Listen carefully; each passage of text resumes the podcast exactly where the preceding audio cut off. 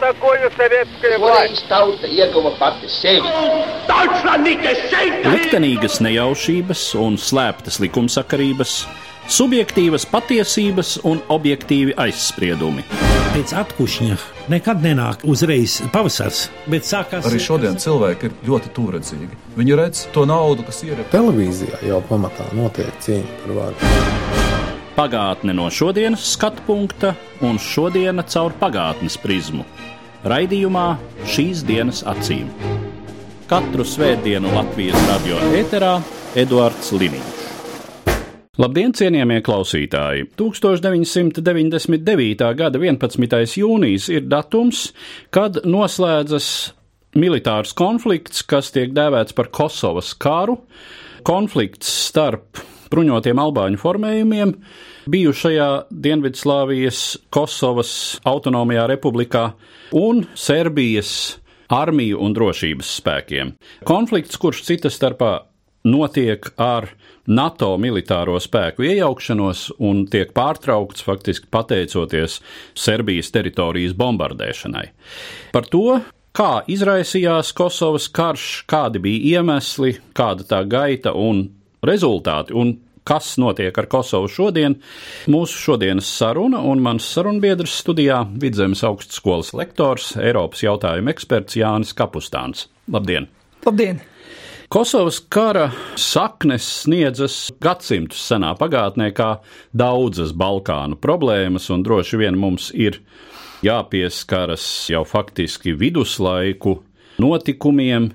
Kā zināms, viduslaikos Kosova ir Serbijas karalistes sastāvdaļa, un eh, kopš viduslaikiem Kosova ir serbu nācijai nozīmīga teritorija, tur ir liels serbu kultūras mantojums, tur ir vēsturiskas vietas, kas ir saistītas ar serbu tautu viduslaikos un attiecīgi serbu nācijas vēsturisko atmiņu, bet tajā brīdī, kad Dienvidslāvijas Socialistiskā Federatīvā republika beidz savu pastāvēšanu pagājušā gadsimta 90. gadu sākumā, tad Kosovā vairāk nekā 80% iedzīvotāji ir albāņu tautības.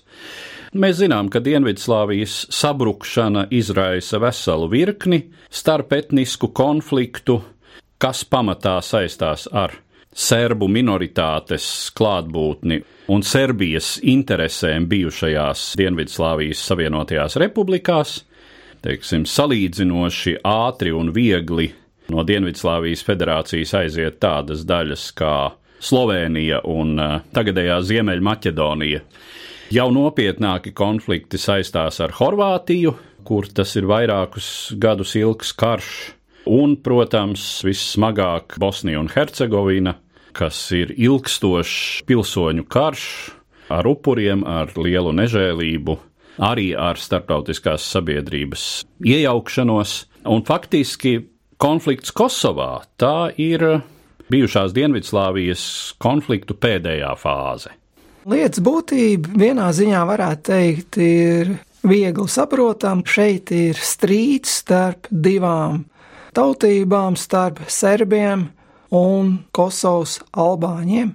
Un, ja mēs paskatāmies viduslaiku vēsturē, tad krietni atpakaļ uz 14. gadsimtu, tad 1389. gada 15. jūnijā notiek tā saucamā Kosovas kauja, kurā cīnās serbu valdnieks Lazars Hrebeljanovičs kopā ar savu bosniešu vasali Vlatko Vukoviču pret Otomaņu sultānu Muradu Un, lai gan šajā kaujā, episkā kaujā, abi vadoņi krīt, abas puses cieš liels zaudējums, un tādā ziņā pat varbūt kauja beidzās it kā neizšķirti, tomēr otomaņiem ir cilvēku pārspēks, un pēc šīs kaujas serbi pāriet vasaļu atkarībā pakļaujās otomaņiem, un uz daudziem gadsimtiem serbi nonāk otomāņu jeb šodienas turku atkarībā, un tas serbiem ir ļoti svarīgs moments. Viņi uzskata, ka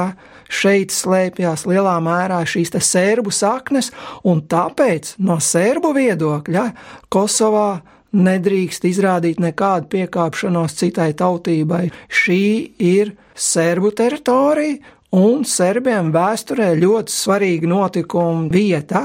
Tālāk šī vēsture, protams, ir gara un sarežģīta, bet nonākot pie 20. gadsimta otrās puses, pie komunistu laika Dienvidslāvijas, tad tika izveidots Kosovas autonomais apgabals, nevis republika kā Serbija, Horvātija un pārējās Dienvidslāvijas republikas, bet Kosovas autonomija Serbijas sastāvā. Un tālāk šeit notiek vairāk vai mazāk nepārtraukt spriedze, domstarpības, rīvēšanās starp šīm divām tautībām - albāņiem un serbiem. Pirmkārt, etniskā spriedze, tātad albāņi, serbi. Tālāk mēs varam izdalīt politiskās un ideoloģiskās atšķirības, Albāņiem jau būtībā ir sava valsts, tā ir Albānija, kas atrodas kaimiņos, un arī Kosovā dzīvojušie albāņi ļoti skatās uz Albānijas atbalstu, un tāds arī pastāvēja. Tālāk mēs varam izdalīt reliģiskās atšķirības.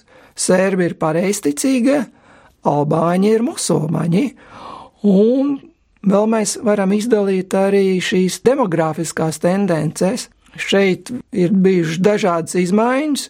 Gan serbi ir mēģinājuši kolonizēt šo autonomo apgabalu, iesūtot vairāk serbu tautības iedzīvotājus, bet vienlaiks arī albāņi, viņiem kā musulmaņiem ir liela dzimstības pieauguma tempi, un komunistu Dienslāvijas laikā viņi no 75% Kosovas iedzīvotāju sasniedz pat 80%, kamēr serbu skaits 15% samazinās līdz 8%, un pa vidu ir bijuši dažādi veidi domstarpības, dumpi, konflikti, un tas viss rezultējās, kad beidzās augstais karš un sabrūk Padomju Savienība un arī Dienvidslāvija sabrūk tad būtībā šīs abas tautības tagad savā starpā sacenšas. Albāņi 1990. gada jūlijā pasludina Kosovas republiku, tātad nevis jau kā autonomija, bet kā republika līdzvērtīga pārējām Dienaslāvijas republikām, un 1992. gada septembrī pasludina jau neatkarīgu valsti, kuru atzīst tikai viena valsts, saprotams, Albānija. Skaidrs, ka serbiem šāda albāņu aktivitātes nav pieņemams. Serbijas prezidents bija cilvēks ar dzelzs dūri, stingrās līnijas serbu nacionālists, bijušais komunistu līderis Slobodāns Miloševičs, un skaidrs ir, ka viņš aizstāvēja serbi intereses, un viņa plānos, protams, nebija pieļaut kaut kādu neatkarīgu Albāņu valsts, kas tad būtībā iznāktu otrā Albāņu valsts, jo Albānija jau ir, un tagad arī Kosovā būtu otrā Albāņu valsts. Un spriedzi pastiprinās 90. gados, un būtībā sākās pilna mēroga kara darbība. Un šeit jāsaka godīgi, ka šī kara darbība un vardarbība ir no abām pusēm. Sākotnēji pārsvars ir Sērbu pusē, jo Sērbi ievada Kosovas provincē regulāro armiju no Serbijas, un pret regulāro armiju, protams, Albāņi nespēja pretoties. Apmēram miljons Albāņu bēg, notiek asiņains izreikināšanās, ir aprakstīts eh, literatūrā arī viena no Kosovas Albāņu partizānu līderiem. Viņš tiek ielēgts ar visiem saviem tuviniekiem, noslapkavots tā kā tāda liela mēroga vardarbība, kur arī daudz civiliedzīvotājs noslapkavā. Un vienlaicīgi mums būtu jāsaprot, ka arī Kosovas albāņi rīkojās būtībā tādā pat veidā rajonos, kur viņiem bija pārsvars, arī viņi nogalināja un slepkavoja serbus, bieži vien civiliedzīvotājs. Šeit būtībā nav labais vai ļaunais, šeit abas puses diezgan vardarbīgi izturējās viena pret otru, šeit nebija kompromiss centieni šeit abas puses uzspied savu pārākumu. Te mēs nonākam pie šiem notikumiem, kas tiek apzīmēti literatūrā kā Kosovas karš 1998. gada februārs līdz 1999. gada 11. jūnijas, un tātad miljons albāņu bēg projām, jo serbi nežēlīgi izrēķinās, lai gan, kā es minēju, arī albāņi izrēķinās ar serbiem. Nu jā, un jā. miljons albāņu, ja mēs novērtējam Kosovas kopējo iedzīvotāju skaitu, tā ir vairāk kā puse no Kosovas iedzīvotājiem kur tobrīd šķiet ir nedaudz vairāk par diviem miljoniem. Un vēl politiski mums jāsaprot, ka karadarbības laikā jebkāda veida autonomija jau bija atcelta. Miloševičs to atcēla. Un kāpēc starptautiskā sabiedrība nosvērās Albāņu pusē, lai gan viņi arī nebija tik svēti un nevainīgi? Startautiskā sabiedrība nosvērās Albāņu pusē, jo Serbiem bija pārsvars, miljons bēgļi, un starptautiskā sabiedrība uzskatīja, ka šis konflikts ir jāaptur, un Serbiem bija slikts fons jau iepriekšējās Dienslāvijas republikās. Tātad serbi skaitījās sliktie gan karos Horvātijā, Bosnijā, tā kā šeit serbi, it īpaši Serbijas līderis Miloševičs un arī Bosnijas serbu līderis Karādžičs, viņi skaitījās sliktie skaitījās sliktie, tas skan kā pieņēmums. Jā, bet šeit bija reāls karš, miljons bēgu un ir jārīkojās. Un Eiropai, protams, bieži vien tiek atgādināts otrais pasaules karš, šī etniskā tīrīšana, kad konflikta rezultātā vesela tautība vai nu tiek nogalināta vai bēg. Un starptautiskā sabiedrība, šeit mums, protams, jāsaprot, ir rietumi, NATO nolēma rīkoties diplomātiskie centieni neko nedod. Un NATO, ja precīzāk sakot, amerikāņi sāk 11 nedēļas uzlidojumu kampaņu no 24. marta līdz 10. jūnijam, un uzlidojumi ir vērsti gan pret objektiem pašā Serbijā, gan arī Kosovā. Serbijā interesanti NATO bombardēja piemēram arī Miloševiča pīlīs.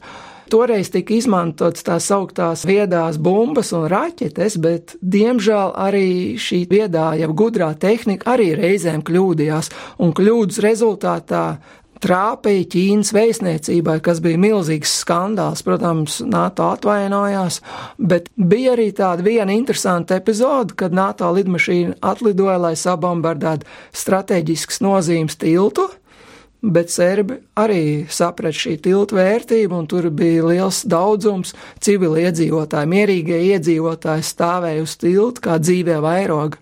Gods un slava! NATO lidmašīnā atlidoja, apriņķoja, bet tiltu neaiztika, jo viņi redzēja, ka tur ir mierīgie iedzīvotāji. Uzdevumu neizpildīja, bet cilvēku dzīvības nerāva līdzi nāvē. Un tā tad NATO veids šo te intensīvo kampaņu Sērbiem būtībā nav sabiedrotie. Protams, Krievija viņus aizstāv vārdiski, bet praktiski viņi maz spēja palīdzēt. Un par cik šie gaisa triecieni ir arvien jūtamāki, nodara liels zaudējums, tad ātrāk vai vēlāk Serbijas centrālā valdība Miloševičs izsludina pamieru, uzlidojumi tiek pārtraukti un Serbija nelabprāt piekrīt, ka Serbijas armija tiek izvest ārā no Kosovas un tiek izveidots tāds kā status quo, atjaunot iepriekšējo situāciju. Tātad provincē tiek ievesti NATO spēki, un arī ANO miera misija, bet interesanti, ka šī ANO miera misija ir bez ANO drošības padomas atļaujas, jo Krievija un Ķīna, protams, neatbalsta, un arī NATO triecieni arī ir bez šīs ANO drošības padomas atļaujas. Kā zināms, šobrīd Krievijas mēdījos šie NATO uzlidojumi vispār tiek traktēti kā starptautisks noziegums un kā agresija. Starp citu, ja palasa to, kas ir rakstīts tieši latviešu Wikipēdijas versijā, tad tur kāds autors kurš, cik var nojaust no šī teksta kvalitātes, arī latviešu valodu pārvalda drusku aptuveni, ir atstāstījis šos notikumus no stipri tendenciozi, neminot konkrētus skaitļus, bet Serbijā sagrautām skolām un slimnīcām, uzlidojumiem civiliem objektiem un tā tālāk. Nu. Absolūti, es nevaru piekrist. Šie mērķi tika rūpīgi izvēlēti, un, protams, ja neskaita dažus kļūdus, īpaši jau šī Ķīnas vēstniecība, tad kopumā šie mērķi tiešām bija precīzi izvēlēti, un mēs nevaram noliekt, ka neliels skaits civiliedzīvotāji cieta, bet kopumā, kad tika raidīti šie triecieni, tad viņi bija izvēlēti tā, lai civiliedzīvotāji neciest, tā ka masveidā serbu civiliedzīvotāji tomēr necieta, un šī, protams, ir grūta situācija, jebkur veida kara darbība ir situācija, pa kuru nebūtu jāpriecājas, bet NATO uzlidojumi tika izvēlēti, lai pārtrauktu šo kara darbību Kosovas provincē, un no tāda viedokļa mēs to varam saprast un iespējams arī attaisnot šos militāros triecienus, jo lielāks agresors tajā brīdī bija Sērbi, un viņus vajadzēja apturēt, lai viņi pārstāja veikt militārās darbības Kosovas provincē. Tajā brīdī, kad Serbija pakļaujas šim militārajam spiedienam un uh, piekrīt savu spēku izvešanai no Kosovas, nav runas par uh, neatkarīgas Kosovas valsts izveidi, Albāņu paramilitārās vienības, šī Kosovas atbrīvošanas armija lielākoties noliek ieročus, lai gan salīdzinoši mazāka daļa nonāk jau Serbijas teritorijā ārpus Kosovas, kur dzīvo neliela albāņu minoritāte un mēģina tur turpināt savu darbību. Un, kas ir vēl nepatīkamāk, daļa no šiem bruņotajiem cilvēkiem nonāk tagadējās Ziemeļmaķedonijas teritorijā, kur arī dzīvo ļoti ievērojama albāņu minoritāte, kas ir vēl papildinājusies ar bēgļiem šī Kosovas konflikta laikā, un tas izraisa situācijas destabilizāciju šai Kosovas kaimiņu valstī, proti tagadējā Ziemeļmaķedonijā, kur savukārt uzliesmo arī bruņots konflikts starp Albāņu vienībām un nu jau Maķedonijas republikas drošības spēkiem. Mēs droši varam teikt, ka Ziemeļmaķedonijā būtībā karš jau sākās, bet viņš nepaspēja, ja varētu tā teikt, uzliesmot uz pilnu spāru. Tātad sadursmes jau sākās, cilvēki jau sāk iet bojā, bet šoreiz abas lielākās eh, starptautiskās organizācijas ļoti ātri iesaistījās, negaidot konfliktu uzliesmojumu, un iesaistījās kopīgi NATO un Eiropas Savienība, un no Eiropas Savienības Javiers Solānā augstais pārstāvs ārlietu un drošības jautājumos, starp citu bijušais NATO ģenerālsekretārs, devās ar burkānu un pātagas taktiku un piedāvāja diezgan lielu dažādu veidu palīdzību abām pusēm, lai tikai konfliktu apturētu. Un, protams, aiz viņa muguras bija arī NATO militārie spēki, kas deva skaidru signālu, ka konflikta tālāk eskalācija netiks pieļauta. Un, ja mēs runājam par Ziemeļu Maķedoniju, tad no vienas puses tas bija veiksmīgs stāsts, ka konflikts tika apturēts, bet priekš maķedoniešu tautības šī piekāpšanās bija diezgan smaga, jo albāņi, kas kopā ar nesen ieplūdušajiem bēgļiem veidoja labi, ja 25% ieguva neproporcionāli liels tiesības. Viņi tātad ieguva gan otru valsts valodu, gan liels tiesības armijā, policijā un tā tālāk un tālāk, un nevelti Krievijas federācijas prezidents Vladimirs Putins pats salīdzināja šo situāciju, toreiz tā vēl saucās Maķedonija, ar situāciju Latvijā. Jā, kā tad Albāņiem Maķedonijā ir un Krieviem Latvijā nav? Protams, tā ir tēma, kas laika pa laikam tiek atkārtota, un ir koks ar diviem galiem. Un te mēs nonākam pie interesanta momenta, ka Albāņiem tad, kad viņi pasludinās šo neatkarību Kosovā, varētu teikt, ka izveidojas divi ar pusi Albāņu valstis. Te mēs redzam kaut ko līdzīgu kā ir Grieķiem. Ir Grieķija, un ir tas, ko mēs vienkāršot saucam par Kipru, ja precīzāk sakot, Kipras grieķu daļu. Un līdzīgi ir arī Albāņiem. Ir Albānija, Tad no 2008. gada, kad tiks pasludināta Kosovas neatkarība, šeit ir otra valsts Albāņiem, un pa pusē valsts ir arī viņiem Ziemeļmaķedonijā. Tāda nu reiz ir tā situācija Balkānos. Te mums atkal ir jāpaskatās atpakaļ uz Osmaņu impērijas laiku, kad tā bija politiski vienota teritorija, kurā diezgan intensīvi vairāku gadsimtu gaitā notika šī etniskās sakausēšanās, etniski jauktu, ļoti raibu teritoriju veidošanās. Spilgtākais piemērs ir Bosnija-Hercegovina, kur īsti nevar konstatēt nevienu dominējošo etnisko grupu vai nāciju, un tas arī nosaka šīs teritorijas joprojām diezgan trauslo un nestabilo valstiskumu ar visu šo pilsoņu kara mantojumu, kas tur ir. Protams, kamēr tā bija Dienvidslāvu valsts, tad atkal šis varas spiediens to visu turēja kopā. Tajā brīdī, kad šī federācija sabrūk, tad gadsimtu gaitā uzkrātais Balkānu pulveris kārtējo reizi eksplodē.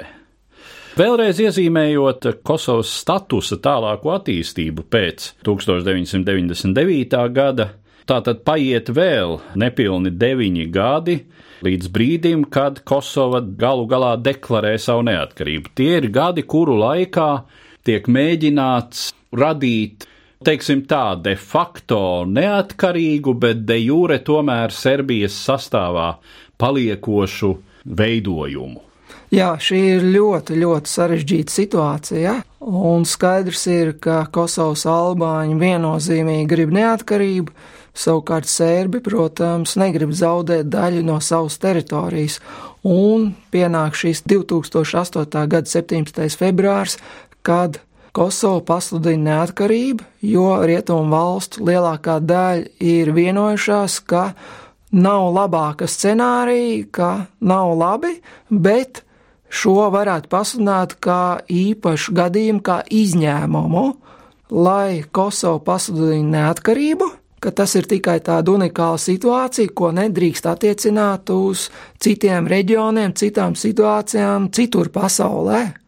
Un, diemžēl jāsaka tā, ka šo Kosovas neatkarības pasludināšanu tomēr izmanto arī citas lielas valstis, un, piemēram, Krievijas federācija ļoti konkrēti ir izmantojuši šo Kosovas atzīšanas faktu, atzīstot Ziemeļu Osetiju un Abhāziju kā neatkarīgas valstis 2008. gadā, kad bija šis Gruzijas konflikts ar Krievijas federāciju, un tā laika Krievijas federācijas prezidents Medveģevs, kad viņš savu oficiālo runu teica un pamatoja, kāpēc Krievijas federācija ir izvēlējusies atzīt Ziemeļosetiju un Abhāziju kā neatkarīgas valsts, viņš tieši norādīja uz šo Kosovas precedentu. Tā ka šis ir nu, tāds ļoti strīdīgs jautājums.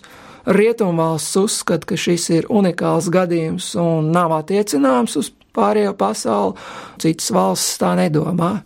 Tātad Kosovas neatkarība tiek pasludināta 2008. gada 17. februārī, un ļoti ātri lielākā daļa pasaules valstis nolēma atzīt Kosovas neatkarību. Tā ir Francija, Vācija, Lielbritānija un, protams, arī Amerikas Savienotās valstis.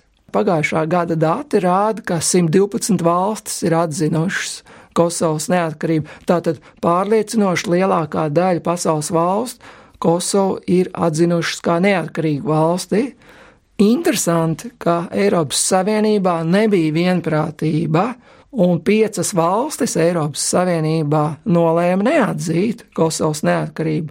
Pirmkārt, tā ir Spānija. Mēs zinām, Spānija īpaši jau Katalonijas problēma. Otrā valsts ir Grieķija.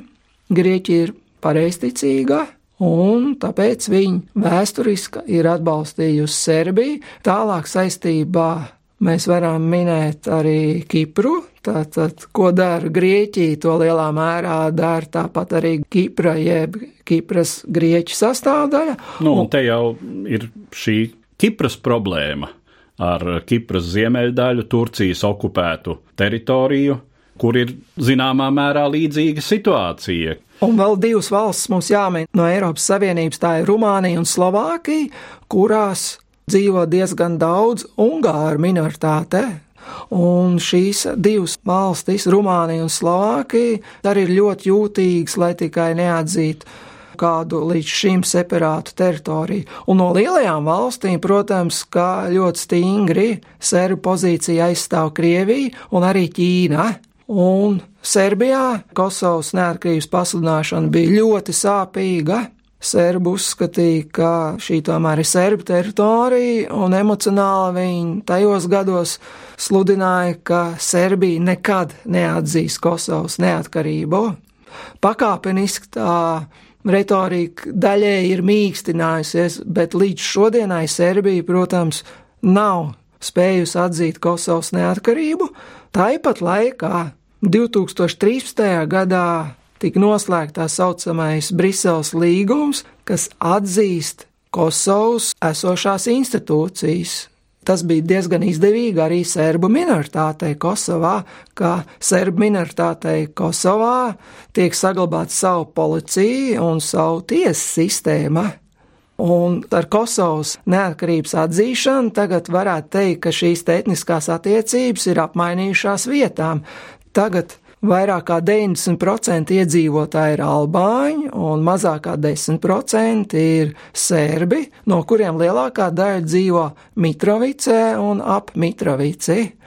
Un tagad jau vairāk faktiski NATO spēki viņiem ir jāizsargā serbi no albāņiem, Un ir bijuši vairāk saspīlējumi. Viens no bēdīgi slavnākajiem gadījumiem bija, kad uh, ienāca ziņas, ka it kā sērba ar suņiem ir vajājušas kaut kādus albāņus, un albāņi sāk dedzināt sērbu senās pareisticīgās baznīcas, un NATO pamatīgi koncentrēja spēkus un ar lielām grūtībām apturēja Es teiktu, tā vardarbība, kas tūlīt bija gatava uzliesmot un uzsprāgt, tā ka šeit šodien faktiski jau ir jāaizsargā sērbi, un skaidrs ir arī, ka lielā sērbi arī vienaldzīgi neskatās, un nesen bija incidents, kad uh, Kosovas policija veids operāciju Sērbu teritorijā, zonā, un ļoti jūtīgi tūlīt reaģēja Lielā Serbija, kas izsludināja savos bruņotos spēkos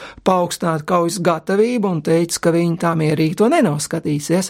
Un lielās līnijās Serbijai ir pateikts no Eiropas Savienības puses, ja viņi vēlās iestāties Eiropas Savienībā, un principā Serbija ir labs izredzes iestāties Eiropas Savienībā, tad viņai nāksies atzīt šo Kosovas neatkarību, lai gan mēs redzam, ka ir vēl vairākas Eiropas Savienības valstis, kas neatzīs šo Kosovas neatkarību. Tā kā šeit tas jautājums ir tāds ļoti interesants.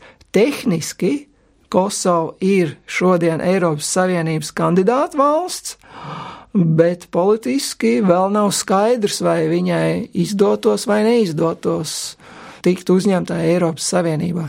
Jā, nu, ir grūti iedomāties, ka Eiropas Savienībā varētu tikt uzņemta valsts, kas nav apvienoto nāciju organizācijas dalība valsts un uh, ir šādā pusatzītā statusā. Lai gan no otras puses, ja mēs ievērojam to, ka visas apkārtējās valstis, kā Serbija, tā Ziemeļmaķedonija un arī Albānija šobrīd diezgan aktīvi tiecas uz iestāšanos Eiropas Savienībā, tad eh, šis process loģiski tā vai citādi, agri vai vēlu, tad varētu skart arī Kosovu, ja vispār notiks turpmākā Eiropas Savienības paplašināšanās Rietumu Balkānu virzienā, kas arī pašreiz ir aktīvi diskutēts jautājums. Un uh, droši vien es teiktu, ka ļoti daudz kas šai ziņā būs atkarīgs no tā, cik stabila un uh, savā arī nākotnes vīzijā kompakta būs uh, Eiropas Savienība turpmākajās desmitgadēs. No tā, acīm redzot, arī būs atkarīga Eiropas Savienības vēlme un gatavība uzņemt jaunas dalību valstis. Vēl pašreizējais Eiropas komisijas prezidents Junkers sākot savu Eiropas komisijas vadīšanu, uzreiz norādīja, ka viņa laikā jauns valsts netiks uzņemts, tomēr jau prezidēšanas beigās viņš norādīja, ka Eiropas Savienībā ir ambīcijas attīstīties tālāk un ka tiek veikti lieli darbi, lai tomēr turpinātu nākamo Eiropas Savienības jaunu valstu uzņemšanu. Un tiešām Es domāju, ka izredzes ir, bet jautājums ir arī tiešām no Eiropas Savienības, vai nebūs kāda liela satricinājuma, kādas politiskās krīzes. Ja Eiropas Savienībā situācija būs vairāk vai mazāk mierīga un stabila, tad šīs Balkānu valsts varētu jau dažu gadu laikā sagaidīt pozitīvus uzaicinājumus pie nosacījuma, ka viņas arī savus mājas darbus izpildē. Ar tādiem secinājumiem tad arī mēs noslēgsim mūsu šodienas sarunu, kas bija veltīta Kosovas konfliktam, kopš kura noslēgšanās paiet 20 gadi. Un uh, Es saku paldies manam sarunbiedram, Vidzemes augstskolas lektoram un Eiropas jautājumu ekspertam Jānim Kapustānam. Katru svētdienu Latvijas radio viens par pagātni sarunājas Eduards Liniņš.